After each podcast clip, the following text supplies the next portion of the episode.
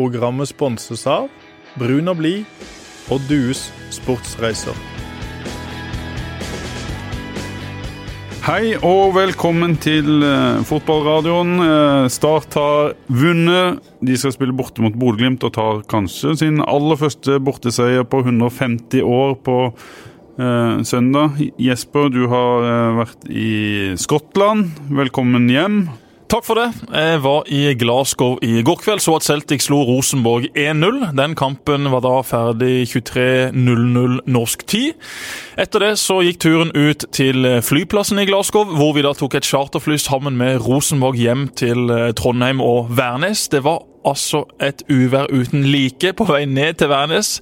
Det var et par av mine kolleger i eh, TV 2 som var meget bleke. Blant annet Marius Skjelbæk. Svea, også fra VG, satt og holdt seg fast som bare det så ut som de var med på den største karusellen de har på hele Legoland. Det var en skikkelig berg-og-dal-bane på veiene. Heldigvis så var det en veldig flink kaptein. En dansk kaptein. En rumensk kaptein på vei bort. Også han meget flink, for da var det jo restene av denne orkanen eller stormen Ali fra USA som lå over Glasgow. Derfor ble jo flyet bort utsatt i over fem timer.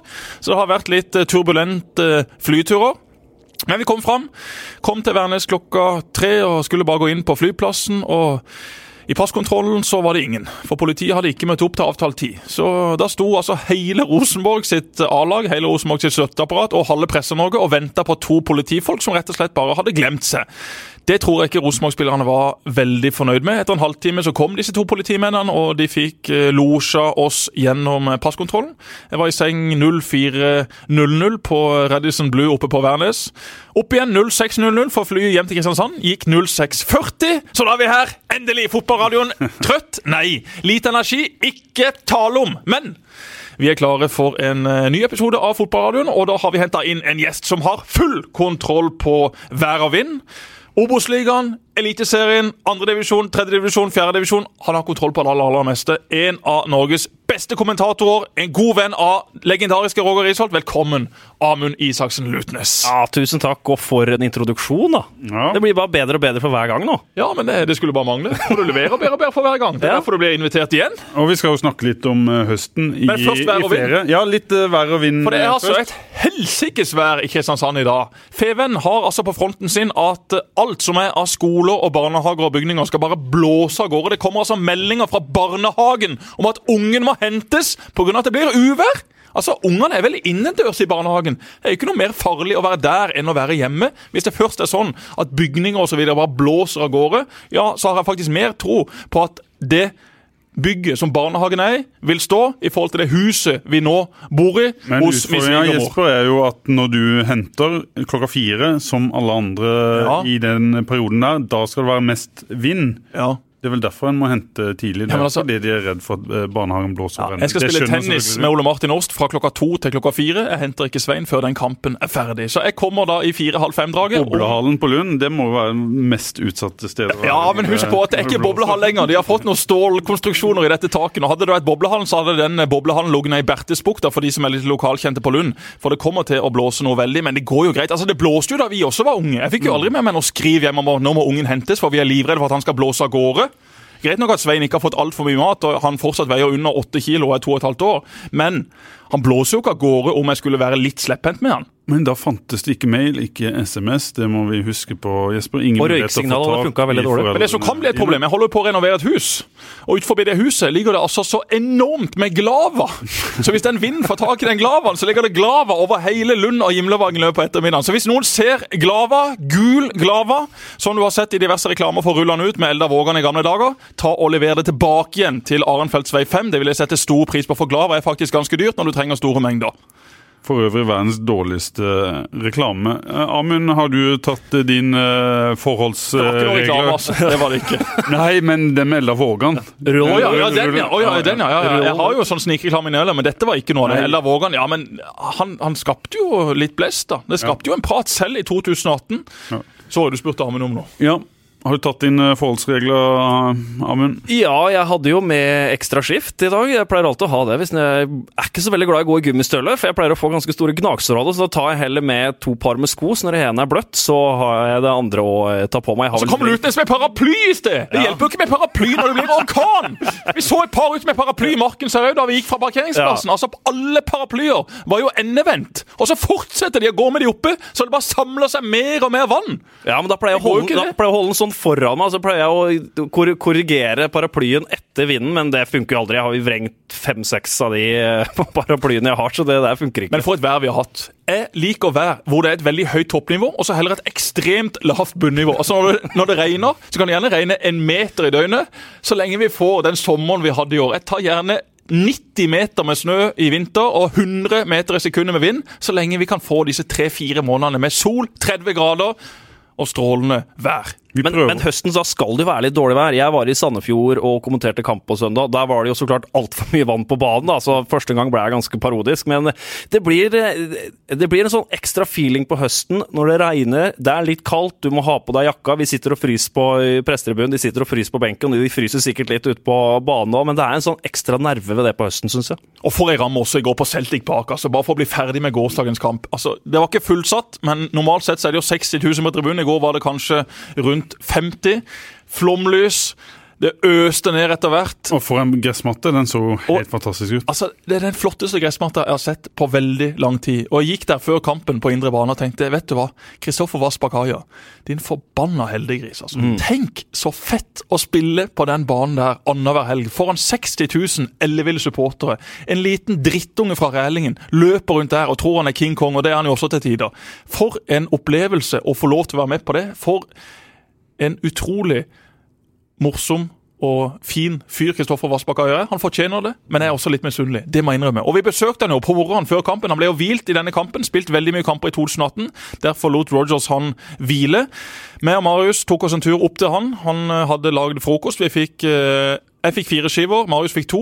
Gulost og syltetøy og litt ost på. Veldig god toast. Sånn ferdigkutta skiver som du kjøper i England. Det er jo ikke veldig godt brød de har der borte. De har et ganske godt stykke opp til Torgrim Hansen, for de som har smakt det brødet der. Heller ikke det reklame, men Torgrim Hansen er faktisk eh, en veldig god baker i eh, vår kjære by. Og så spilte vi biljard. Marius han var fryktelig dårlig biljard. Han tapte som regel etter to-tre støt, for da gikk den sorte kula nedi. Ayer slo med den første, jeg slo den andre, og så kom den tredje avgjørende. Siste støtet. Jeg skal bare legge den sorte kula oppi. Full av nerver. Og så hadde ikke Kristoffer kritt! Altså, han hadde ikke kritt! Mannen tjener 10-20-30 millioner i år, og så har han ikke råd til kritt til en biljardkø! Altså, Det går jo ikke an! Han må jo hente inn kritt! Alle vi som har spilt biljard og snooker, vet at for å kunne skru ballen, for å kunne være oppe mot ditt beste nivå, så må du ha kritt. Nå har altså Ayer liksom spilt i måneder uten kritt og lagt til seg en helt ny spillemåte. Så kommer M der, som normalt sett har veldig mye finesse i mitt spill, sjanseløs. Tapte 2-1. Og Da er det ødelagte uker og måneder frem til neste gang jeg får møte han i biljard. Og det kan jo ta litt tid, i og med at han nå er bosatt da i en eh, fin leilighet borte i Glasgow. Men jeg skulle hilse Pål. Han er alltid tidlig ute og hører disse episodene. Vi får hilse tilbake på hilse tilbake. Hilse tilbake. Og ikke minst, det var ikke det at han hadde gjemt krittet? Nei, han hadde ikke det. Han var rett og slett tom for kritt. Okay. Ja, for Jeg så det på øynene hans. Han klarer ikke å lyve.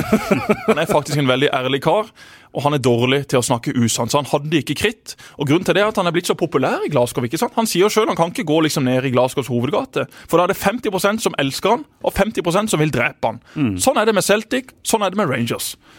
Spennende. Han har jo en perfekt karriere til nå, Amund. Bare tatt riktige valg eh, hele veien. Det er ikke så mange ja, av de. Celtic er jo et ypperlig valg, og det er jo et godt stykke opp fra, fra norsk eliteserie. og Det er så klart den skotske ligaen litt rar der, da. Det er ganske store nivåforskjeller, men Celtic holder jo et veldig høyt nivå, og de kommer nok mest sannsynlig til å komme seg videre i, eh, i Europaligaen. Det har jo blitt et mye større skille fra toppen i Europa til de mm. nest beste, og ser jo der de norske lagene kommer så vidt med i Europaligaen, og Champions League er jo bare helt ute. Der har man ikke kjangs. Og så er det jo et fantastisk utstillingsvindu i tillegg. Er du god for, for Celtic, mm. så er veien til Premier League Premier League er ikke så altfor alt lang der, da.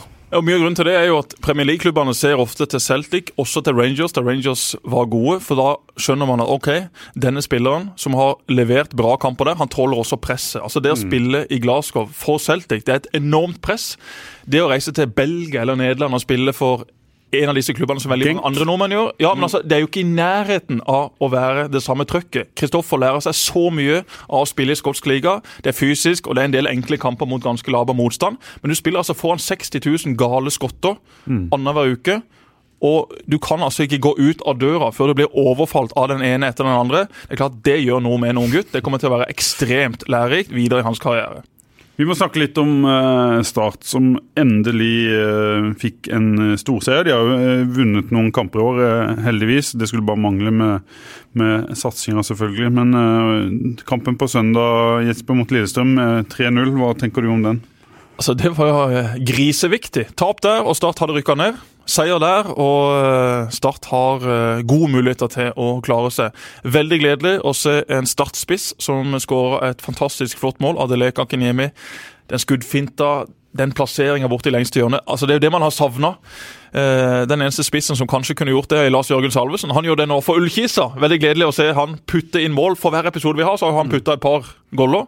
Så vi ønsker han lykke til videre der. Og hvis han fortsetter på dette viset, så er det bare for å hente han hjem igjen til start neste sesong. Men det var noe solid over dette. Akinyemi god, Sjala i en helt egen klasse. Ut, tøff i trynet, god med ballen, sterk med ballen, smart med ballen.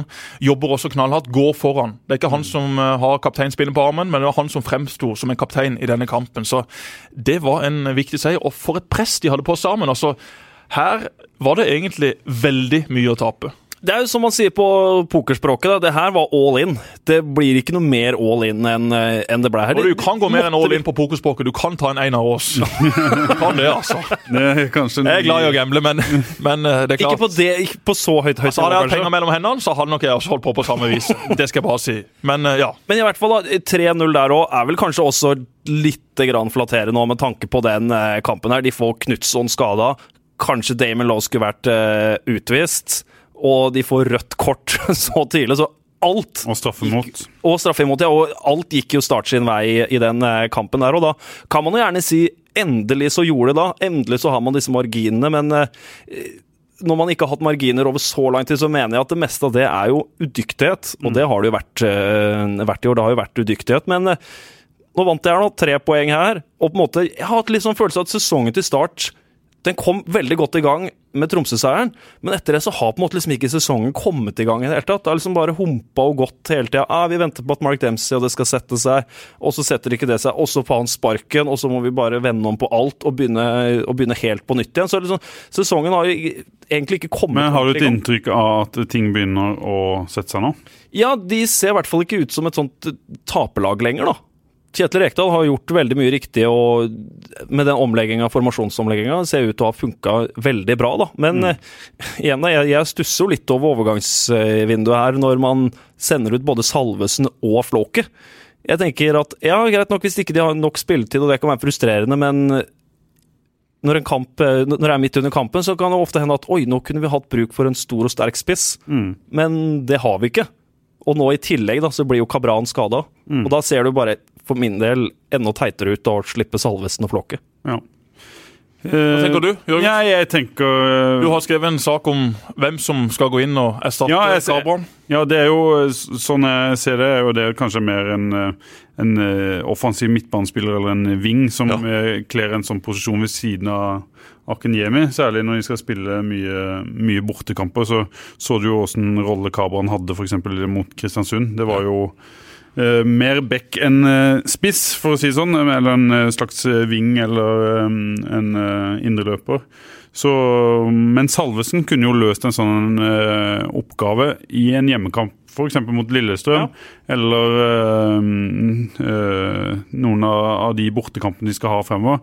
Men jeg jeg er litt usikker på om de kan spille med to spisser. Om de liksom har råd til å spille med to rene spisser. Men jeg ville hatt han som et alternativ. Det har Ja, vært klart på tidligere. Bare hatt han på benken benken i hvert fall hver gang, da. Så du veit at da har man det alternativet der hvis kampbildet plutselig blir sånn. For nå så blir det jo egentlig litt sånn at man må sette opp et lag, og så har man egentlig ikke noen spisser. Nei, du Det er har jo egentlig alternativet nå. Kanskje den eneste reine spissen er kanskje bare Bringaker i troppen. Ja, ja så har du tatt, eh, Akiniemi, da, som er Ja, så klart, Jeg hadde, tatt Salvesen foran Bringaker syv dager i uka. Ja, det For all del, ja. Men nå tenker jeg på det men Akiniemi, Akiniemi har jo den egenskapen at han kan gjøre ting på egen hånd. Og, Ja. og han kan faktisk gjøre en god jobb alene som spiss også. Det Så. Derfor er nok Kjetil, som du helt riktig sier, Pål, litt mer fan av å ha en kar som også kan bidra Mm. litt mer lenger bak i banen. Og Der har jo Start sånn sett et par Men alternativer som kan fungere fint. Ja, ja. Det er målet hans, da. Det er jo sånne, så, sånne mål man scorer på fotballspill. Men hvem vil, Det er, det er helt perfekt utført. hvem vil du brukt Amund i, i en rolle ved siden av Akiniemi? Jeg veit ikke. Det er kanskje Tobias Christensen da, i en eh, litt tilbaketrukket rolle bak, uh, bak Akiniemi. Sandberg òg var jo helt King Kong i fjor, sånn som dere hadde sak på nå, nå nylig. Han har jo på en måte ikke kommet i gang i det hele tatt. Fikk jo en veldig fin kamp nå sist mot eh, Lillestrøm. Det er en veldig uvant rolle, men det er en sånn spiller som kan være fin å leke seg i rett bak Akiniemi og stikke gjennom han, og ikke minst også skåre sjøl, for det var jo mye av det Sandberg gjorde i fjor, at han skåra veldig mye mål. Jeg skulle gjerne likt å sett uh, Tobias på banen, sammen med Akiniemi, men også sammen med Sjala. De to uh, på små flater borte mot Bodø-Glimt. Jeg tror jeg kan skape trøbbel. For Bodø-Glimt er et lag som liker å ligge lavt, de liker å være kompakte og vente på motstanderen. Hvis Start da har uh, de to på banen, så kan de skape ting mot lag som ligger lavt. Du tror, Start kan, du tror Start kan reise til Bodø og, og styre den eh, Ja, kampen? det tror jeg. Og det tror jeg ikke vil være så veldig uinteressant for Bodø-Glimt heller. For de er veldig glad i å bare ligge og, og kontre de. De er ikke så gode og så glad når de skal styre sjøl. Men så har du jo da Rekdal i andre enden. Han vet jo dette, han også, selvfølgelig. Så kanskje han lar Bodø-Glimt få litt av initiativet. Men jeg håper og tror at Start og tar tak i den kampen. For nå har man selvtillit etter en god opplevelse mot Lillestrøm. Da er det ingen grunn til å være passive og defensive i den kampen som kommer nå. For det er en ekstremt viktig kamp. I de siste kampene for Start, ja, de møter Sandefjord, men utenom den så er det knalltøffe motstandere som sannsynligvis har veldig mye å spille for. Så Bodø-Glimt borte, der bør Start ha med seg poeng om dette skal gå inn. Men pass opp for det Bodø-Glimt-laget her. Altså, for at eh, Hvis man går veldig høyt i banen der, med Sinkernagel og Lajoni på sidene der Grunnen til at ikke Bodø-Glimt var så gode mot Sandefjord nå i helga, var pga. at baneforholdene var rett og slett ræva. Ballen kunne ikke spilles. Men Lajoni lynhurtig, og så har du Fardal Opseth inne i feltet der som er på plass hver gang. Og hvis du slipper han til, så scorer han mål. Han slapp ikke til mot Nei, Sandefjord. men Han samtidig har jeg sett at den uh, formasjonen som Start uh, kjører nå, som de la om før Strømsgodskampen, som spiller 4-3-3, de tok ut vingene til, til Strømsgodset på en ganske Mm. sånn enkel måte. og er flinke til å sperre rom på, på sidene og få spillet til 4-3-3-lag inn sentralt. Så hvis de klarer det mot Bodø-Glimt, så tror jeg de har veldig gode muligheter til å, Det har å vinne. Da har du en eh, Simon Larsen og en Eirik Vikne som, som kan gjøre en felles jobb ute til høyre, og så har du ja, kanskje Simon Larsen til venstre og Hamar Berger ute til høyre, som blir på en måte en, eh, en ekstra back. altså så får Damon Lowe ta seg av Fardal Opseth. Ja, det har han god mulighet til å klare. Ja. For Damon Lowe har vært eh, veldig god den siste tida. Han ser jo ut som en million dollar han, når han har dagen, og så har han selvfølgelig et par eh, misser i seg. Men eh, de blir eh, færre og færre. Ja, men de beste er spiller jo alltid på på grensa, da. Ja. Det er litt sånn som Marginene for en perfekt takling til en ræva takling. Det er ikke, det er ikke mange tiendelene som gjør at taklinga men, blir er er perfekt. litt, han er litt Einar Aas i taklingsspillet sitt. det er liksom ikke snakk om å safe. Det er inn med 1,5 milliard i hver eneste takling og håpe at det går greit. Ja, det er- det har jo stort sett gått greit. Ja, Men eh, du risikerer jo at du får et rødt kort i fleisen også, hvis du er litt Mm. uheldig. For det kommer inn med mye kraft, mye fart. Og det er jo sånn sett underholdende nok å se på det, så lenge vi unngår stygge skader. Men vi må ha tre poeng eh, borte snart, eh, Amund, for ja, dette startlaget. Den der bortestatistikken er jo bare helt komisk. At ikke man har vunnet borte i Eliteserien siden 30. mai 2015. Men Skal det sies at man er men er den så komisk hvis du ser hva, hva slags eh, lag Start har hatt siden uh, mai 2015 og den sesongen de hadde med Ja. Steinar Pedersen? Og, Ja, jeg vil si det, for at eh, nivåforskjellen i Eliteserien er ikke så stor. Så det at man ikke har klart å vippe én eneste kamp eh, i, den, eh, i, den lange, i det lange tidsrommet der til sin fordel, syns jeg er veldig rart. Ja, det var ikke så veldig godt eliteserielag som Steinar Pedersen begynte med i, eh, i 2016, men de hadde 2015-sesongen òg, og så er det nå er vi jo snart ferdig med 2018-sesongen også. Skal så klart sies at da 2017 så vant de på bortebane, Ja. men det var jo da i Obos-ligaen og ikke Ja, og det er jo liksom sånn som mot Lillestrøm. altså Det er jo én situasjon. Én situasjon inn i Mm. Ikke har motstanderen 16-meteren, så er liksom kampen avgjort. 2-0 og rødt kort. Mm. Da er den ferdig. Det er liksom det. Ja, Start har hatt et lag som har vært dårligere på papir enn det de har møtt, men allikevel, altså I fotball hvor flaks faktisk spiller en såpass stor rolle at ikke Start har hatt liksom en eller annen Ja. situasjon inni boksen til motstanderen.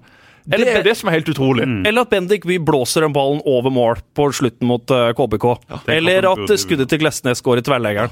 Istedenfor å gå helt opp i krøsset. Så det er jo masse sånn småtilfeldigheter, men det er jo det er helt snodig at de liksom ikke har klart å bikke i favør. og det. Men sånn som nå, nå er det jo faktisk en god del bortekamper igjen her. da. Det er jo Bodø-Glimt nå, så er det Sandefjord eh, borte, og så er det Vålerenga borte. og Haugesund borte. Det er vel de siste bortekampene. Mulig å ta noen eh, en eller to trepoengere hvis de får flyt. Absolutt, men uh, nå tror jeg vi skal ta én seier om gangen. Vi gjør det. Så får vi håpe at, den, eh, at spøkelset forsvinner borte mot, uh, mot Glimt. Men du, uh, Amund, hvis en ser høsten som kommer nå, så kan en jo begynne å leke seg med noen, noen tanker. Både om ting som skal skje neste år, men ikke minst ting som skal skje i høst. Der Start ligger nå, så er det kvalifiseringsplass. Når en ser hvilke lag som ligger på kvalikplass i Obos-ligaen, så kan det jo bli enormt eh, dramatisk eh, i høst. Vi kan f.eks. få Start eh, Viking i en, en kvalik. Vi kan få Mark Dempsey tilbake Ja. på Sør Arena som Kongsvinger-trener. Vi kan få Lars Jørgen Salvesen som spiss på Som sender. Start ned, f.eks. Det kan jo være et alternativ. Hva det- får vi til slutt, tror du? Eh, jeg sa tidligere på morgenen i dag med et intervju til Telen at uh, Telen? Er Ja, det, er, Telen. hvor er vi- hvor Det er? Notodden. Det er Notodden, ja. Det er eh, det er at fryktelig vei opp til Notodden. Grusom vei. Det er ikke rart de er gode hjemme, for alle bortelagene som opp der, er jo dødssjuke. Når du tror du er- snart er fremme, så er det to timer igjen. Ja, det er to 100 veier, igjen. Ja. Men det jeg og Roger Risso fant ut da vi var der på tirsdag, det er to veier du kan komme deg det, Du kan komme deg dit. Den ene har ikke noe eh, bomringer, men er en skikkelig bondevei. Og den andre er det bare omkjøringer hele tida med noen eh, bompasseringer, så det, den blir aldri ferdig, den eh, skogen. da. Men i hvert fall, da. Ålesund vinner Obos-ligaen. Og jeg tror Mjøndalen også rykker direkte opp. Det kommer til å bli potte tett i toppen der. Og jeg tror ikke Viking kommer seg helt frem til en kvalikfinale. Det, de, det tror jeg de er for ustabile til, spesielt hvis de kanskje får en kamp på bortebane i den eh, kvaliken. Så er det ofte det ikke så, sånn som f.eks. Ranheim i fjor, da. Kom egentlig eh, opp fra ingenting der. da. Man tenkte ikke på de når kvaliken begynte. ikke sant? Så slo de Sandnes Ulf, så slo de Men er det et sånt lag i, i første divisjon som Ja. kan ta den veien i, i år? Eksempel Kongsvinger kan være et sånt lag som plutselig kan treffe en sånn der formkurve helt på slutten der, og med Mark Dempsey og den offensive fotballen Kongsvinger til tider har spilt, så er de et lag som kan Blitt gå gjennom gjennom hele. ustabile, de også, da? Ja, men det er jo litt sånn som Obos-ligaen er, da. Egentlig Mm. at eh, du får ikke helt stort på alle laga, men det handler om å få den, der, den siste formkurven inn mot uh, kvalikkampene og sånn. Og der er det jo bare to To kamper ikke sant? Mm. Mot, mm. på, i løpet av 90 minutter, eventuelt ekstraomganger. Det er ikke dobbeltoppgjør før i kvalikfinalen, så der kan jo alt skje i løpet av Jeg tror Viking rykker opp, da. At, eh, Direkte opp? Ja. Ja, det er ikke utenkelig, det, men det tror jeg blir avgjort på målforskjellen. Men de må inn altså. i, inn i en formkurve igjen. Men så vipper den kampen mot Notodden sist eh, litt heldig i sitt favør, tror jeg kan bety litt. Og Sånn må så- de gjøre mer av. Ja, ja, men så har de jo nå fått uh, viktige spillere tilbake og inn i rullene igjen og, og spiller fast kamp hver uke, som Høyland og Tripic og Rolf Daniel Vikstøl, som, som uh, virker å være i Mm. De har så form igjen. bred tropp. Ja, de har en, men sånn de, de trenger de, de, Men det er ganske de mye misnøye i Viking. altså. Ja. Det er ganske mye misnøye i Vikinggarderoben rundt uh, de som eh, styrer, rundt de som bestemmer hvordan Viking skal spille. De savner en plan. Mm. Uh, Det har vært veldig mye turbulens. Det har ikke vært noe som har kommet ut. Men uh, det er ikke alt som er fryd og gammen i Viking. Men jeg tror alt er fryd og gammen Eller jeg vet at alt er fryd og gammen i Mjøndalen. Mm. For der er det en helt annen tro på dette. Der har de en helt annen go. De har alt å vinne. Viking har på mange måter alt å tape. Det er Viking som er forventa å rykke opp sammen med Ålesund. Det er de som kommer til å ha alt presset på seg. Mm. Gauseth og co. De er i angrepsposisjon. De kan bare, De bare koser seg. de kan bare kose seg. De De. kan bare kose seg i den. Også, Jeg tror histor Historien viser jo det at, at de gode lagene, eller de store klubbene som er i Obos-ligaen, selv om de halter litt, så, så tar de nok poeng til å rykke opp. ja, sånn som det- Start i fjor, for Start har gjort det før. Brann så ut som de kanskje ikke skulle klare det, men eh, klarte det til Det har vært andre Til typer slutt, mannskaper ja. enn det Viking har. Altså Viking, Se på det mannskapet Viking har. Det er jo ikke et fantastisk godt mannskap. I Obos-ligasammenheng så er det et veldig godt Ja, mannskap. men ikke i forhold til Mjøndalen. Nei, det er, det er jevnt. Ja. Det er veldig jevnt, altså. Og det ser man jo på tabellen nå. Det er jo Ja pottetett med, med 46-46. Så nå, etter helga som kommer nå, så kan jo de tre laga stå på 49 poeng, de tre øverste. Og vi- Sogndal Men vippes hvis jeg hadde vært i, vært i start, så er det siste jeg ville hatt, det er jo Viking i to uh, kvalikoppgjør. Sånn uh, sportslig, er du enig i det, Jesper? Eller er det Jeg tror det hadde tent fyr på Stavanger, da. Og at Ja, da, det, det kan godt være det, men uh, sånn kvalitetsmessig så skal Start være såpass mye bedre enn Viking uansett. Viking har et stort navn, en fantastisk klubb som kommer til å være tilbake igjen i toppen av norsk fotball om ikke altfor lang tid. Men som et resultat av elendig økonomi over flere år, så har det sportslige produktet blitt uh, dårligere og dårligere. Fortsatt en del gode spillere, men det er også en del hull i det mannskapet der. Veldig ustabile. Ikke imponert over måten de spiller fotball på, ikke imponert over planen de har. Og det er det veldig få i Vikinggarderoben som, som også er. Så det er en del som lugger borte i Stavanger, og det tror jeg kan bli avgjørende i den opprykksstriden. Og at da Mjøndalen tar den plassen sammen med Ålesund. Jeg tar gjerne Viking for Starts del i en, i en kvalik. Det hadde vært litt sånn litt sånn Start-Jerv-vibber igjen. Ja, ja. Ikke like ille å følge med på, for Jerv altså, det var jo fryktelig, holdt på å daue. Men da har hadde vil fylt Sør Sør Arena, Amund? Ja, det vil jeg absolutt tro. Altså. Hvis ikke det skal fylle Sør Arena, da lurer jeg litt på egentlig hva som skal fylle. Og det, men Langeland og co. hadde solgt billetter for 50 øre. Ja. Men De hadde se- sett verdien av å ha full stadion og prøve å vinne denne kampen. Det hadde vært verdt så mye. Mm. Så den hadde det garantert blitt fullsatt. Men Stavanger og Kristiansand med fotballagene der kan egentlig, de er egentlig ganske sammenlignbare. For at vi ser 16. mai mot Sandnes Ulf, da var det søren meg 16 000 på, på SR-Bank Arena. Så det ligger veldig latent, den interessen der òg. Og Stavanger og Viking, ikke sant? det er en veldig god link, og den har vært der i mange mange år. Sånn som i Kristiansand og Start. Så med Viking òg, ikke sant. De, de går jo all in hele tida, hver helg. Og så går det kanskje litt på, på snøret, ah, og så kommer det en ny kamp, og så går vi, går vi på igjen. Det er, det, det er Det er jo så mye press for dem. Mm. Sånn som Mjøndalen ikke sant? kan kose seg nå. De inviterer til toppkamp mot, eh, mot Ålesund. Viking får ikke kosa seg så mye for at de har så press på seg. Men Ålesund går opp, det er det ingen tvil om. Jeg så jo Jerv-Ålesund, og det var jo som å se et eliteserielag mot et uh, Obos-lag der de var Men så var jo Ålesund i trøbbel nå mot, uh, mot Kongsvinger. Det var uh, 2-1 helt på slutten. Så Ålesund ikke er sant? ikke De sikre, de heller. De det. har også masse press på seg. Men ja, jeg tror også Ålesund går opp. De har en såpass brei og solid stall at uh, hvis ikke Lars Bohin får til det, så vil det være en kjempefiasko. Og det veit han veldig godt sjøl òg. Og det har jo vært inngangen til denne sesongen her at eh, når vi skal opp til Nesotra, når vi skal til Strømmen, så vil de slå oss mye mer enn de andre laga. Så da er og det er utgangspunktet i hver eneste kamp. Det er 30 cupfinaler, og da må vi stå opp og vinne hver eneste cupfinale omtrent. Så får vi Jerv da i ingenmannsland for andre året på rad, sånn det ser ut eh, nå. Eller kan de blande seg inn i kvalik eller nedrykksspøkelset? Det er jo de- fire poeng ned eller fem poeng ned, og så er det fire poeng opp til, Som til kvalik. Men, men med tanke da på øh, Hvis de skal komme seg oppover på tabellen, da betyr at da må de bli et mye mer stabilt lag. Og det ser jo ikke ut som Jerv kommer til å bli den sesongen her, så jeg tror nok det er heller mest sannsynlig at det blir den nedrykkskvaliken, for der òg er det veldig tett om beina. De, de vinner jo veldig få kamper i Jerv. Og de rører det veldig ofte til. Har ikke helt fått til den eh, keeperplassen ennå, selv om de bytta eh, før denne sesongen her, så Ikke godt keeperspill sist. Nei, det er ikke det. ikke sant? Og da, da koster det veldig mange, poeng. Vi har jo en altså. keepertrener som bør klare å få en Jerv-keeper til å bli god med beina. Det virker som det er kanskje en stor akilleshæl der borte, Jesper. Ja, men det er jo også blitt sånn nå i keeperens uh, verden at uh, det snart er det viktigste å være god med beina. Det er klart at uh, det viktigste er fortsatt å, å redde baller. Vi har også en keeper oppe i Brann som uh, er meget god med beina, men som har hevet baller inn i sitt eget mål etter mm. sommeren.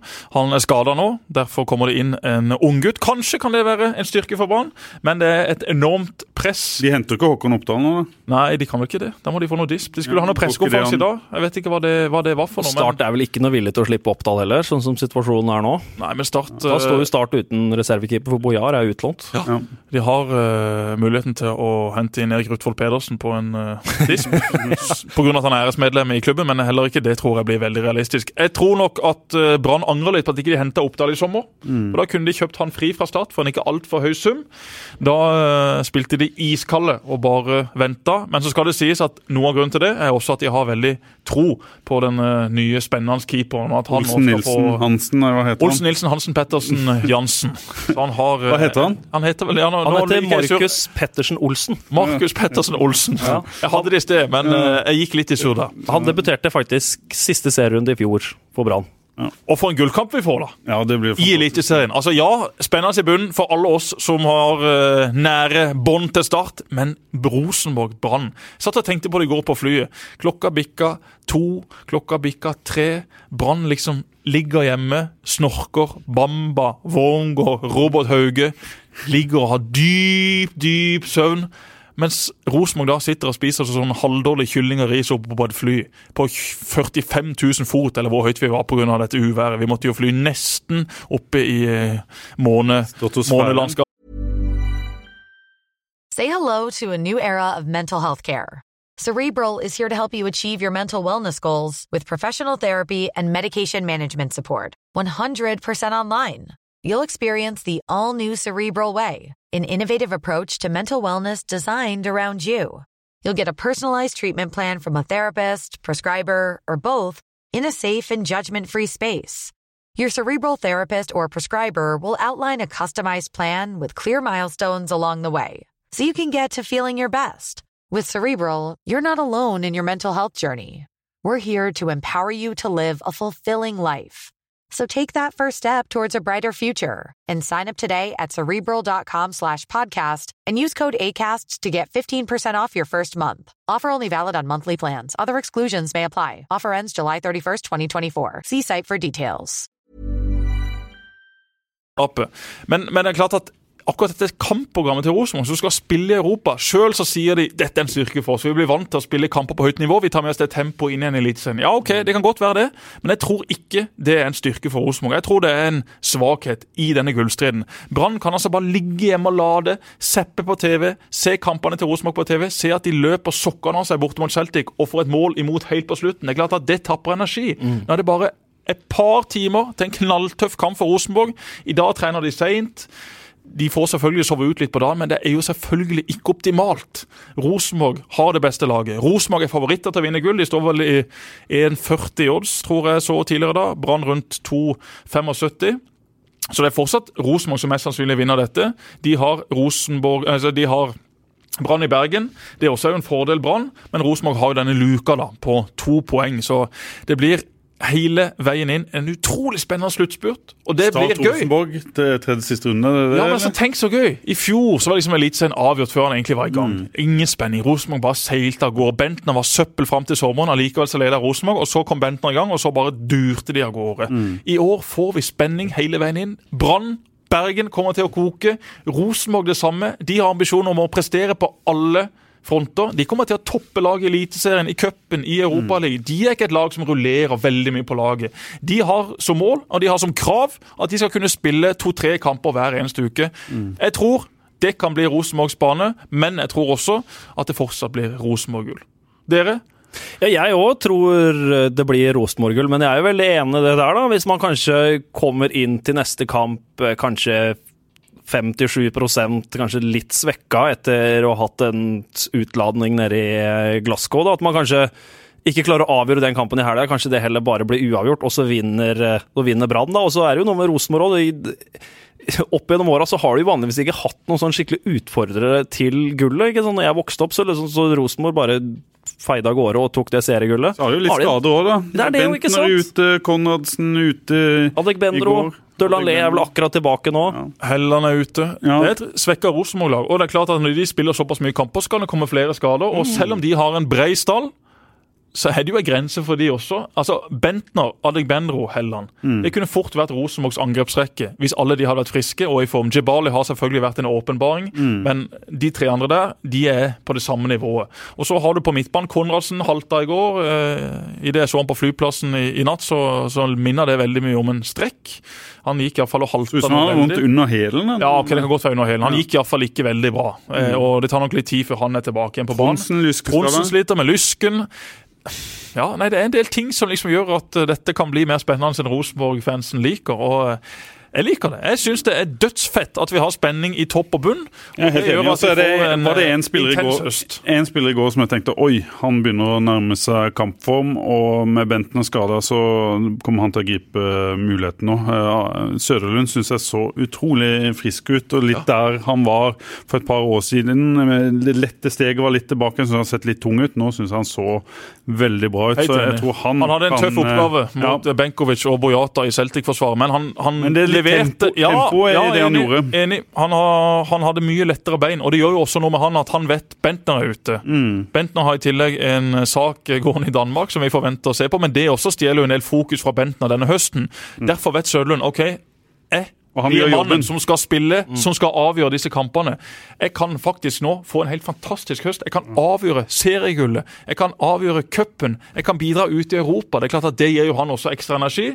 Så har du også da en sulten og litt småforbanna Mathias Williamson på benken, som har ekstremt lyst til å få sjansen. Så Rosenborg har fortsatt gode spisser, men Bentner har noe ekstra, spesielt i enkelte kamper i Europa. Det har han vist gjennom hele sin karriere. Men uten Bentner så har Rosenborg likevel gode nok spisser til å vinne iallfall trofeer hjemme i Norge. Jeg tviler på at de går videre fra ei veldig tøff gruppe i Europaligaen. Ja, nei, Søderlund er jo Du får jo ikke noe bedre alternativ til Bentner enn han. Det er jo helt vilt at de har et sånt lag. Og i tillegg har Williamson også i, eh, i bakhånd her. Men eh, sånn som det med, med skadene, det kommer et metningspunkt hvor at eh, man kan ha en stor og bred stall, men det kommer et metningspunkt hvor ok, nå er det for mange skader. Ja, men så gir vel. Bamba Brann en helt ny dimensjon på Det i forhold til hva de hadde med Steffen. Absolutt. Det, det er jo eh, kvalitetsforskjell på de to eh, spissene. Du har Steffen Lie Skålvik, som er hardtarbeidende og utrolig god eh, spiller, men Bamba F.eks. det målet han skårer på huet når han den kraften han har i nakken, bare, for Ja, eksempel, ja, ja. det er jo Kraft i nakken. Ja, ja, men Ja, ja, det å ja, ja, ja, knalle til er Kjempeheading. Og god bevegelse, smart bevegelse. Og så gjør det noe å møte en spiller som Bamba. Altså Du blir med en gang mer reservert. For du vet at hvis jeg er for hissig på han, så kommer det en ball bak, og så ser jeg kun ryggen til Bamba før han setter den ballen i mål. Så virker han som en veldig kul eh, type. er Måten han brøt, brøt inn i intervjuet og sendte eh, hilsen til Kristiansund. når han går til en BT-journalist og sier at eh, jeg må si én ting. eh, støtten vi fikk i Haugesund gjorde at jeg følte jeg kunne fly. Ikke bare, sant? bare Ikke de tinga Ja, han er en veldig kul fyr. der, eh, Og det er, eh, du får jo veldig mye med Bamba. ikke sant? Han er jo som spesiell, han er et sånt uromoment som du ikke helt får tak på. Og de er jo flere av de i, i Brann nå, ikke sant? så Bamba er en fin joker inn nå Så i har du litt avslutningen av typer sesongen. altså nå i Brann. De har litt typer til å være tøffe nok til å si vet du hva, dette her gullet skal vi ha. Acosta og Worm går bak. altså De er vel blaffen i at Rosenborg normalt sett har vunnet dette. Bamba og Komson oppe på topp. De vet jo ikke sikkert at Rosenborg har vunnet alle disse gullene de har vunnet. De har jo heller null respekt for Så er det Barmen som er litt samme type. Som Barmen og Haugen på midten Ja. gir totalt blanke F og elsker å være i denne gullstriden. Du ser det jo når de spiller, og det er jo den største evnen kanskje til dette brannmannskapet. Jeg tror ikke de blir nervøse. De ser på dette som en mulighet til å vinne noe, ikke muligheten til å tape noe. Robert Hauge, Lars Arne Nilsen på linja, de også er jo sånne typer. De vet at ja, Rosenborg har presset. Rosenborg er favoritter. Rosenborg leder med to poeng, men vi skal pokker meg gi de fight hele veien inn. Det var imponerende det de gjorde i Haugesund med den energien. og det, det vi kjente igjen i vårsesongen med Brann, var jo den voldsomme energien i laget. og så har de kanskje ikke klart det, men nå har de klart, ser det ut til, å mobilisere igjen. Så hvis de klarer å holde den energien i kampene, så blir fryktelig vanskelig å, å slå. Ja, for Det var jo en liten periode hvor man tenkte at oi, nå ser Brann faktisk ut til å dette lasset her. At ok, nå kommer Rosenborg til å dra ifra. Men ikke sant, så henter de seg inn. ikke sant, og Det er jo sånn det er i fotball. Man snakker jo om de marginene hele tida, tighte kamper. og Brann har jo vunnet veldig mange kamper 1-0, ikke sant? Sånn som de gjorde her nede i Kristiansand. Skålevik på plass i den ene. Men de må ha eh, aggressiviteten blant alle de eh, ti utespillerne. Og at de skal dø for å vinne den eh, ballen, det er jo der Brann har vært outstanding i år. Det er litt sånn som start i 2005. Det kollektive eh, m- måten å gjenvinne ballen på i gunstige situasjoner. Der er jo de best i, i Norge. Apropos 2005, skal vi ta en liten prat om Arendal også, som har fått vind i seilene etter at Steinar P reiste bort og ble sjef. Kan de rykke opp igjen eh, Ja. eller Ikke rykke opp igjen, men så kan de være tilbake igjen i Obos-ligaen i 2020? Ja. Ja, Sånn som Bryne og Hødd holder på, så kan de det. De, eh, de var vel 10 eller 11 poeng bak den kvalifiseringsplassen når Steinar Pedersen tok over. Og da var det vel egentlig så å si slutt, Ja, tenkte man. nå er Som at ok, Steinar Pedersen, Pedersen hentes inn for at dette her skal vi virkelig klare i 2019. Men det ser ut som nå at det kanskje kan bli en, en kvalik. Skeid tror jeg går opp, ja. Men Hødd vakler, og så har du Egersund som også er rundt der. Så den Egersund og Arendal er vel de to lagene som er i best form. Og så skal Arendal eh, bort og spille mot Brattvåg til helga. Hvis de taper den, så blir det, da tror jeg ikke de kommer til å, å klare det. Hvis de vinner den bortekampen mot uh, Brattvåg, eller ja, hvis de vinner, så tror jeg de rykker. Jeg tror det blir tøft for Arendal å, å gå opp i år, men Ja. er ganske sikker på at Arendal kommer til å være med og kjempe helt, helt der oppe i 2019, og at de da også kommer til å rykke opp. For hvis Steinar får det samme budsjettet som hans forgjenger har hatt, og Steinar gjorde det Jerv, han bygde opp et lag, han innførte en mye mer profesjonell holdning til det ene og det andre, han vet hva dette går i, og han sammen med Otterleis lommebok, han blir veldig skummelt for eh, Kanskje spesielt Jerv etter hvert. Arendal opp i Obos og forbi Jerv. Det slettes ikke en usannsynlig tanke, for nå er det litt sånn daut i Grimstad igjen. Det var masse entusiasme, alt var nytt. De var oppe og fighta med Start. Nå ligger de midt på tabellen i Obos-ligaen. Hvor gøy er det nå å være Jerv-supporter, Jerv-patriot, i forhold til hva det var for et par år siden? Jeg er litt i tvil om hvordan dette blir for Jerv i 2019. Sandstø er der fortsatt, mange av de samme spillerne er der fortsatt, men det er jo ikke den samme gløden, den samme entusiasmen og samme troa i omgivelsene. Det er i alle fall min følelse fra Kristiansand. Jeg var helt enig med deg når det gjelder Arendal. Jeg tror heller ikke de rykker opp, selv om de er i en eh, mye bedre posisjon nå. Det er noen hindre der. Det er jo en divisjonsomlegging som gjør at laget som kommer på andreplass, som er det beste de kan håpe på, må spille playoff mot laget på andreplass i den andre avdelinga. ja, Og det er det dobbelt oppgjør. Det kan bli Fredrikstad, det kan bli Alta, Jeg ble det ringt kan bli av Jeg ei ringt lokal opp, lokalavis oppe i Raufossland i går og spurte hvem jeg håpte eh, skulle rykke opp av Fredrikstad og Raufoss. Og Det eneste jeg sa da, var at etter at Raufoss slo Start 7-2 på Kristiansand stadion eh, tidlig 2000-tall, så må jeg faktisk si Fredrikstad. For det er et av mine verste minner. Jeg husker meg og pappa satt på tribunen, og vi gikk ja, vi, vi gikk vel nesten før pause, altså. Det var, var, totalt sjanseløst. Jeg var på den kampen. Espen Haug han uh, skåra mål. Mathias uh, Andersson spilte, men skåra vel kanskje ikke. Han spilte for Raufoss. Han traff ei badeland i Dyreparken forresten her da. Ja. ja. men Fin sånn, som, sånn som det òg, da, for å uh, både få Mathias Andersson og Sørlandslinken inn her, da, så er jo Fløy som uh, ligger og kaver helt i bånden av den Post Nord-ligaen. De kan virkelig finne på å rykke ned. De skal til Egersund nå til helga. Jeg hadde de nå på mandag da de møtte Vålerenga 2. Etter en snodig avslutning på kampen så tapte de 4-2 der. og Det kan hende Fløy rett og slett går rett ned igjen. De ser ikke bra ut heller. Har, eh, Nei, de, de, de gjør ikke det. mye. De ser ikke Så var det litt uheldig der med at Vålerenga 2 sendte ned et kruttsterkt lag her på, på mandag. Vålerenga 2 som også trenger poeng. Ja, De de, og, de ned, kjemper jo eh, sammen der nede. En gjeng med spillere som eh, etter hvert var favoritter på oddsen mot Fløy. Så det var litt utur, da, for eh, Skal vi gå litt lenger ned òg? Ja, Vindbjart, der er jeg ikke 100% oppdatert, men de kjemper ganske oppe i toppen, gjør ikke det? Og det De hadde jo en rekke med en hel haug av Ja, seire på rad. og så har de det, og så eh, ser det vel litt verre ut. Ja, men Det er bare ett poeng, er det, Er det det bare det? ett poeng? Da må vi inn og sjekke tabellen, altså. Ett eller tre, jeg husker ikke. Det er i hvert fall ikke langt opp til Og var beklage til, til Steinar Skeie. Og der har det jo vært- Vennesla. Dette burde vi visst. Det Hva, vet hva vi med, altså Skal vi ta MK, da, i, i fjerdedivisjon? MK? Som har fått et fryktelig løft. Ikke et fryktelig løft, et fantastisk løft. Ja, men De etter, tilbake alle de gamle gutta, ikke det? Etter at uh, Jo, er det Tom, Tom Sagebakken? Er det Fagnastøl? Inge Hofstøl? Nei, er det Er alle tilbake? Det er tre-fire stykker Nilsen av de tilbake. Han er jo alltid tilbake. Tre-fire stykker av de gamle gutta som er Comeback hver gang. Inge Nilsen er en strålende fyr. Spilte med i Bryne. Veldig glad i å spille på trav, så vi satt i, eh, i et sånn et kjellerlokal der borte på Jæren og hamra løs på både V75, V5 og V65. Ja, Det er noen av de gamle gutta rett og slett som har gjort comeback. De må være over 40 år, en del av de. Ja, det må de Og være. der det ser du òg de siste åra det store fallet som MK har hatt. da, Og det er jo et sånt varsko til veldig mange andre klubber. og at Ja. eh, Veien ned er ikke så veldig lang hvis det begynner å gå dårlig. Jøss, det er jevnt i toppen i Vindbjarts avdeling i tredjedivisjon, altså. For et drama dette kommer til å bli. De har altså Ørn Horten på eh, 39 poeng, FK Tønsberg på 39, Sola på 39, Super Vindbjart på 38. Ett poeng bak. Ett poeng bak, og Vindbjart sitt gjenstående program. altså Det er Madla borte, Stål hjemme, Start 2 borte.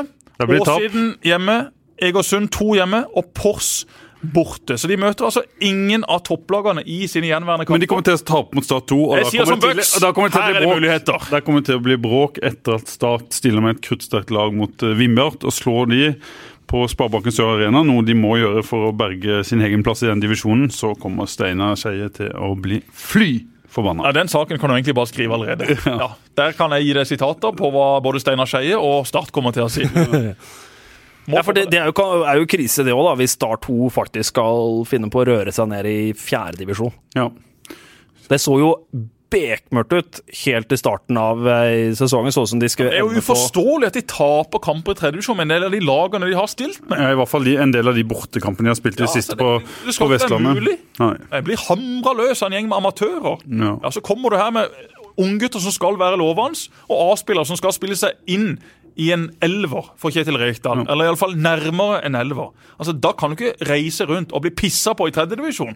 Det går ikke. Da er det et eller annet som er galt med de som er på banen. Ja, da er det- enten ikke de ungguttene så veldig veldig gode, eller så er de spillerne som er med fra A-laget, ikke i nærheten av å være eliteseriestandard. Men så er Eller det så vel- har de en holdning eh, til det, eller en spilletype på en måte som ikke trekker lasset. Da tror jeg vi er inne på litt av det som, som vi har snakka om Start tidligere. At når du må spille med Aron Sigurdsson, Tobias Christensen, Kasper Skånes, eh, Niklas Sandberg, så er det typer som eh, skal være stjerner i laga de spiller på. Som alltid har vært stjerner i laga de har spilt på, og som ikke trekker de andre med seg. Der tror jeg kanskje du har hovedutfordringa til dette Ja, men da har Start ikke eh, 2. bruk for det i en, i en start. Nei, og Det har han vel gitt klar beskjed om disse spillerne òg, at hvis de ikke presterer på, på Start 2 eh, De vant vel 7-1 her, en, eh, en hjemmekamp hvor en del av de var så dårlige at eh, de fikk høre det. Ja, nei, det, jeg har ofte tenkt det med de eliteseriespillerne som kommer ned og spiller på det andre laget, at man kanskje holder en del igjen. da, At man er kanskje litt redd for å bli skada. Du drar bort til Stål Hjelpeland og alt mulig sånn, og er kanskje redd for at det skal komme en grisetakling, og at det kommer en kamp eliteserie nå i helga som jeg i hvert fall gjerne lyst til å være i troppen. Jeg har ikke lyst til å bli skada i, i de to kampene, og da, da mister det sin effekt å ha med de Du må jo ha eh, spillere som får med seg resten, og som eh, viser med hele kroppsspråket sitt og med innsats. Nå, Erlend Segerberg spilte tre-fire kamper i, i tredjedivisjon for, for Start 2, og de var suverene. Han styrte hele sjappa. og den, eh, den, Det får du ikke av disse andre type spillerne, som, som er mer indi, individualister. Men også for et løft, for eksempel når du er inne på Erlend Segerberg. da. En spiller som var helt ute i kulda med skade i vinter, og plutselig kommer inn og Kjetil Rekdal ble ansatt, og er eh, nøkkelmann på, på midtbanen. Det sier litt om de der små nivåforskjellene hele tida, og marginene. Plutselig så er Erlend Segerberg inne, og nå har han jo til og med kapteinspinnet, ikke sant. Så det Var nær ved å ryke ut av laget sist, tror jeg, da, eh, ettersom eh, det ble testa noen konstellasjoner. Men Er ikke det også litt av problemet i Start òg, at det er veldig jevnt? Og jeg kan se for meg å drive og ta ut dette startlaget her til hver kamp. Må Nei, være det er lenger. Jeg er enig at det var en problemstilling for eh, en måned eller to siden, men nå syns jeg jo nå, har jeg vært på starttrening to ganger denne uka, et par ganger i forrige uke, hvor de spiller 11 mot 11. Og for første gang på ja, halvannet år så syns jeg klar nivåforskjell mellom de to lagene som spiller 11 mot 11. Det beste laget hamrer det, det dårligste laget. I vinter så kunne du ikke se hvem, eh, hvilke 11 som, eller hvem 11 som var det, den beste eh, den beste konstellasjonen. Nå syns jeg for første gang eh, en ser litt tydelig tegn til at det er nivåforskjell. da.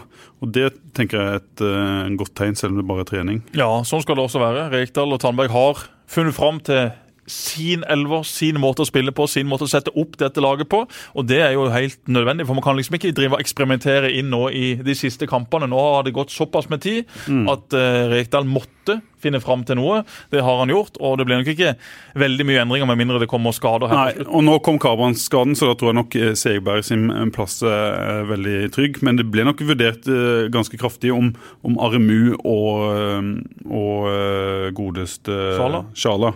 Er det beste sentrale midtbaneparet Start kan, kan ha. Selv om eh, Det er det også, Ja. men eh, det å ha Sjala i en litt fri rolle offensivt Ja. har selvfølgelig en veldig stor verdi. ja. Og eh, Det viste han spesielt da mot Lillestrøm, og han var nøkkelen til at Start fikk med tre poeng. Og Segberg har et nivå til inne, tror jeg, som eh, kan være litt mer offensiv i, i huet og, og få se litt mer av de offensive kvalitetene hans. Og så har du en annen eh, litt joker her òg. Han Mensa, han afrikaneren som ble henta inn, har jo vi så å si ikke fått sett uh, i det hele tatt. Da. Så det er jo veldig spennende om kanskje han kan komme inn her og bidra mot uh, slutten av sesongen. Det tror jeg fort vi kan uh, få. Jeg synes han det er sikkert mange som tenker at en ny afrikaner er litt uryddig. Jeg syns han ser ganske skolert ut i forhold til Smart. ja, smart i spillestilen, gjør jobben. God defensivt ser det faktisk ut til. Har ikke denne uforutsigbarheten og hurtigheten som vi f.eks. så hos Asante eller en del andre afrikanere. Jeg syns dette her ser ut som en ganske sånn skolert fotballspiller. God med begge beina, god teknisk, uh, brukbar uh, avslutter. Så en litt annen type, tror jeg, enn det kanskje mange forventer etter å ha både sett han i de innhoppene han har, og, og, og hørte om han eh, fra før. Jeg syns det ble tegnet et bilde av han som en lynhurtig kantspiller, litt uh, sammenligna med Asante, men jeg syns ikke det ser ut som det er det han, han er. Nei, jeg så noen videoer han rett før han ble signert, og da syns jeg det var litt Asante på han, men det var nok også litt fordi at han ligna litt på, på Asante. Ja, ja. Han hadde litt samme Han har tempo, det er ikke ja, det. Han har tempo, men det er klart Asante hadde et helt sinnssykt Ja. tempo. Asante spiller nå ikke i Nordsjælland, nå er han jo han eh, et eller annet sted og bare henter en hel haug av penger. Ja. Han bare høster inn av Sante. Vi var i kontakt med han for noen uker siden, når eh, Arafat Mensa ble eh, signert. Så han kom jo med Arafat Mensa, det er et fet navn. Ja. Han har Arafat Det er da liksom på litt fetere enn Pål Jørgensen og Jesper Mathisen. Så valgte han da å ha Arafat på drakta. Det er jo spennende, spennende valg. Det er spennende, det er spennende, spesielt hvis man skal ut og spille litt i enkelte deler av Europa. Ja. Men eh, vi må vel nærme oss ei avslutning her. Eh, det er jo tross alt snart Skulle du si eh, noe om maraton før vi ga oss? ja, men så, eh, Du har jo en del kolleger i Feven her som har løpt maraton. Og ja, ja, Vel og bra det å klare liksom å løpe 42 km når du har brukt hundrevis av timer på å jogge. Alle mennesker med to bein, selv de med ett bein og kanskje også null bein, med sånne proteser, klarer å løpe et maraton. Det er bare et spørsmål om tid. Ok, Det er en tidslimit på er det seks timer eller noe sånt. Ja, vet du hva. Du skal være i rimelig dårlig form for ikke å klare det, hvis du bare bruker litt tid på forberedelsene. En ting, ja ok, fint det. Dere reiste vel til Berlin, disse her kompisene dine? Ikke pek på meg. Nei, men altså, det er jo gjengen din. Det er det du jobber med. Gjengen min, jeg har ikke valgt dem. Nei, det er de du har fått utdelt her på arbeidsplassen. Ja, ja. Ja, så får det nå så være. Men de reiste da ned til Berlin på en gruppe på 10-12 mennesker. 20, tror jeg det var. 20 Ja. for å løpe 42 km. Og det er jo faktisk bra. For faktisk det verste jeg vet, det er folk liksom som var inne ah, 'Hva gjorde du i helga?' 'Nei, jeg løp Oslo Maraton.' 'Å ja, hva løp du på?' 'Nei, jeg løp på 40 minutter.' 'Å ja, Oslo Maraton, ja.' Du vet at et maraton er 42 km, og så har de enten løpt et halvmaraton eller bare liksom en mil. Og så løper de rundt med sånn Oslo Maratonskjorte på Elixia eller på Spikeren året rundt og skal liksom være dødsspreke. Så viser det seg at de løper bare 10 eller 21 km. Så det går ikke. Skal du gå rundt med sånn Oslo Maratonskjorte eller Berlin Maratonskjorte, ja, så må du faktisk ha løpt 42 km. Men det du er sinna på, er igjen sosiale Ja! medier. Altså, det er jo da noen i denne bedriften som kommer i mål, og så liksom skriver de bare tida si, liksom. Med en hel haug av utropstegn. Dagen før så ble det satt verdensrekord på denne distansen. Det var vel to timer og ett minutt. Og så er det altså en tid som er nærmere fire timer. Og så er det liksom bare å hylle seg sjøl på Facebook. Bare høste likes. Her er min tid. 50 utropstegn! Nå er det bare å sende likes og kommentarer og det ene og det andre. Så det er jo totalt sjanseløst! Kan ikke folk forstå hvordan de skal oppføre seg på sosiale medier? Ja, sosiale medier kan være farlige for barn og ungdom, men det er aller mest farlig for voksne menn og kvinner i 30, 40, 50 og 60-årskrisa. Altså Det er totalt skivebom gang etter gang. Det ble en hel haug av likes, masse kommentarer, og det var sikkert kjempegøy for diverse slitne er journalister. Løp en maraton, send det hjem til kona, til ungene, vær happy med det, men ikke liksom tro at det er en stor prestasjon, og skal bare høste en hel haug av kommentarer og oppmerksomhet rundt det. Hva, og hvorfor irriterer du deg sånn over dette? Ja, men det er jo alt. Altså, det er fordi for eksempel, man legger ut den tida fordi man er ekstremt fornøyd med seg sjøl. Ekstremt fornøyd med seg sjøl! Fordi man har dampa rundt på Lund og Gimlekollen og oppe på Gimlevang i tights. I tights! Jeg gjentar, i tights! Også det er jo helt totalt galskap når du har bikka ja, 23 år. Altså Fram til da kan du sånn sett gå i tights, men etter det så må det være slutt hvis du er hannkjønn. Når du da har gjort en slik prestasjon, eller du har gjort noe annet bra i livet, så jeg er veldig imot det der med å skulle liksom hive det ut der. Hvorfor? Kun for å vise det for andre. Kun for å vise det for andre. Helt topp at du er stolt sjøl. Helt topp at mor og far og bestemor og bestefar er stolte av det. Men du trenger ikke å hive det ut på den måten. Altså, Legg nå heller ut et morsomt bilde. Legg nå litt jobb i det, da. Ja. Jeg var ikke veldig imponert over den tida som ble hevet ut der heller. Jeg var ikke det. Et par måneder med trening så skulle jeg søren meg løpt fra han, og jeg er en ganske dårlig mosjonist. Syns du det er kult, liksom? Syns du, syns du det er bra og positivt og fint at folk hiver ut sånne sånne jeg ting? ville jo aldri For det første ville aldri gjort det sjøl, men jeg, jeg klarer ikke å irritere meg over det. sånn Nei, som nei, du men jeg er jo ikke helt frisk i Men- huet, da. Jeg irriterer meg over mye rart. Men uh, noe av poenget med en sånn eh, samfunnsutvikling der det er utrolig viktig å høste skryt og få likes, den liker jeg ikke. Det, det er en stor diskusjon som, som vi har vært altfor dårlige til å ta i det norske sam, eh, samfunnet. Hva som betyr noe her i livet. Og det, akkurat det der betyr null og niks. Det er jeg helt enig i. Men jeg klarer ikke å fyre meg opp over at folk på en måte vil ha eh, tilbakemeldinger når de har gjort en, en eh, god eh, prestasjon. En god prestasjon å løpe 42 km. Men for, fordi vi føles jo det som en eh, god prestasjon, en milepæl. Du har vært toppidrettsutøver, og selvfølgelig, dette er jo ikke noe for deg, men hvis jeg hadde dratt min tunge kropp gjennom eh, 42 km, så hadde jeg selvfølgelig blitt stolt av det, men jeg ville ikke lagt det ut på Facebook, det er greit nok, men jeg, jeg kan forstå at andre har lyst til å de å høste ja, ja, lovord ja, men om eh, Jeg forstår dette. at folk er stolte over det, men jeg forstår ikke den der trangen etter å høste så forbanna mye oppmerksomhet. Det gjelder jo ikke bare dette tilfellet. Vi har tusenvis av eksempler på akkurat dette. Jeg legger også ut bilder i sosiale medier. Jeg syns også det er gøy å få en likes fra Jørgensen og Lutnes når jeg har lagt ut et bilde eller en liten statusoppdatering. Jeg er jo ikke på Twitter og håper at ingen skal retweete eller like det jeg skriver. Jeg gjør det jo av en grunn. Nei, men det er, det er jo de tinga vi har vært innom eh, tidligere, om kjæresteforhold, om å legge bilder av barna sine. Det er jo litt det Ja, og, og vet du noe greien. som er langt verre enn dette her maratonet? Jeg kan jo ikke nevne navn, kan ikke nevne hvilken by eller land dette er. Men altså, det finnes noen mennesker på denne jord som har vært ekstremt lykkelige med hverandre. Altså, Det har vært så mye hjerter og hyllester, og alt har vært fryd og gammen. Hva skjedde? Jo, han ene føyk rundt på all verdens av hundkjønn, og det gjorde kanskje hun òg. Det vet jeg ikke. Jeg vet bare den ene sida. Og så går man fra hverandre. Og så har man unger sammen. Og så begynner man liksom å finne nye partnere. Eller iallfall en ny partner på den ene sida. Og så legger man ut liksom bilder med det. F.eks. på Instagram, hvor man har en slags Instagram-story. ikke sant? Der du legger ut et bilde. Fra den ene storyen så er du avbilda med ungene dine. Til den neste storyen så står du liksom der da med din nye flamme. Hvis du Altså, går tilbake tre måneder, måneder, så er det Altså, Hva i all verden er det vi holder på med? Det er jo totalt nedsnødd. Sånn kan vi jo ikke holde på. Vi må jo tenke oss om. Hva tror du unger tenker? Ja, Unger tenker jo, snakker jo. De har jo hjerne, de også, selv om ikke de er 18 år. De kommer jo til å gjøre akkurat det samme når de blir voksne. Ja, Men det er jo fullstendig galskap. Tenker vi ikke? For Det er vel noe jeg har tenkt veldig mye på angående sosiale medier, at eh, det er jo ikke noe som blir sletta. Dette her er jo noe som kommer til å ligge i arkivet i alle år. Så jeg ser for meg at hvis jeg, når jeg blir 50-60 år og ser tilbake på ting som jeg f.eks. la ut når jeg var litt yngre, så ser jeg for meg at jeg kommer til å bli ganske flau. Og man er jo på en måte fortsatt i en sånn startperiode og egentlig blir skikkelig kjent med sosiale medier og den derre ekstreme oppdateringa som det er hele tida eh, med alt. Og jeg føler sånn som med meg, jeg leker meg litt med Instagrammen og sånn, men jeg er jo helt i startgropa, og jeg veit jo ikke hva dette her vil bety for meg i framtida, hva som skjer nå med Det betyr, betyr, sosiale medier. rikdom, Amund, og masse oppmerksomhet. Jo, men altså, For enkelte folk i, i mediebransjen så er det jo sånn sett viktig å bruke sosiale medier. Men det blir en sånn er det. Men det er også en hel haug av folk i mediebransjen som rett og slett ikke får nok av seg sjøl. Det er seg sjøl, seg sjøl, seg sjøl. Det handler ikke om hva man formidler, det handler om de som formidler. Og Mm. Men da også er man på totalt en, feil vei. en annen podkast som heter Udjus og Blågis. eh, Jesper, skal du få lov å snakke om eh, disse, disse tinga. Viktig å snakke om, men Ja, har de snakket om dette? Det er jo Nei, kollegaer, de også. Det er de sikkert. Altså, Det er utrolig mange hyggelige folk her på Feven. Det må jeg bare si.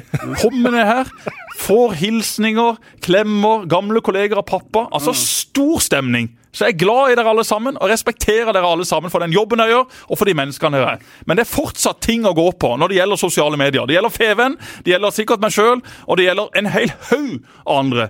Det må vi ta tak i, for sosiale medier det tror jeg faktisk jeg kommer for å bli. Jeg tror ikke det er vekk i 2019. er ikke Dermed er det det. ikke for seint å lære. Løp gjerne en maraton. Lag gjerne ei flott, deilig kake, og skryt og få masse ros for den. Men det er ikke alltid liksom jeg skjønner det. Det å legge ut sånne ting også, det gjør jo noe med alle de som aldri kan løpe en maraton, som aldri har hatt sjansen til pga. diverse ting, som ikke er så flinke. Vi har snakka om kroppspress. Jenter som retusjerer bilder, som plutselig har Nå er vi inne på 15 den store debatten nå, skjønner jeg poenget. Altså, Som er plutselig 15 cm smalere midje enn det de normalt sett har. Fordi de liksom har redigert inn. Mats Hansen han er på krigsstien rundt dette akkurat nå. Strålende, Mats. Det er godt å se at han er på jobb. Altså, Sånne ting. Det er jo litt det samme, Mm. syns jeg. Hvis du liksom skal ut og skryte av hvor mye du trener, hvor tungt du trener, hvor flink du er til å trene, så gjør det noe med de som ser det. Svar heller når noen spør, skal vi si det sånn? Svar heller når noen spør. Men jeg kommer ikke til å spørre. Selv om jeg faktisk spurte en av dine kolleger i sted, og han gikk på en kjempesmell. Og vet du hvem det var? Han er en bra kar. Han har jeg ikke sett ute på sosiale medier. Og det er jo sikkert fordi at Yngve Martinsen, Fløys gamle, solide back- og kantspiller, gikk på en kanonsmell! Åpna i 4.30 sa han, i Jeg 26-27 tror ikke Yngve hadde skrevet uansett. Og så gikk det som en vannballong med han. Ja. Han er blitt eh, en maskin, altså. Han var en maskin da han spilte også. God kompis av Lars Martin Engedal. Strålende venstrefot. En av de beste på Sørlandet. Også en maskin her på jobb. Det er veldig bra. veldig bra. Vi sier takk for i dag. Men sosiale medier Ja, kan vi diskutere senere. vi tar det. Der er det veldig mye å ta tak i. Men Det er en stor debatt. Vi skal ha en egen eh, Du og Frank Masland kan ha en egen kan podkast om sosiale medier. Og jeg sykla til Hovden en gang, bare for å vise at det var ikke så veldig vanskelig å sykle til Hovden. Jeg skrev ikke noe på sosiale medier, men jeg ringte selvfølgelig Feven for å få dem med på tur, bare for å bevise dette. Så jeg er jo ikke noe bedre sjøl. Jeg kasta jo kampesteiner i glasshus. Takk for i dag. Takk for at du kom, eh, Amund. Tusen takk for at du- Vi får Kommentere i helga. Hvilken kamp? Kristiansund eh, mot Haugesund. Ai, ai, ai. Fotballekstra på meg. Startkamp på Pål. Startkamp på meg. Selvfølgelig blir det det. Da må vi ut og redde barnehagebarn i eh, barnehagen. Ha det. Programmet sponses av Brun og blid og Dues sportsreiser.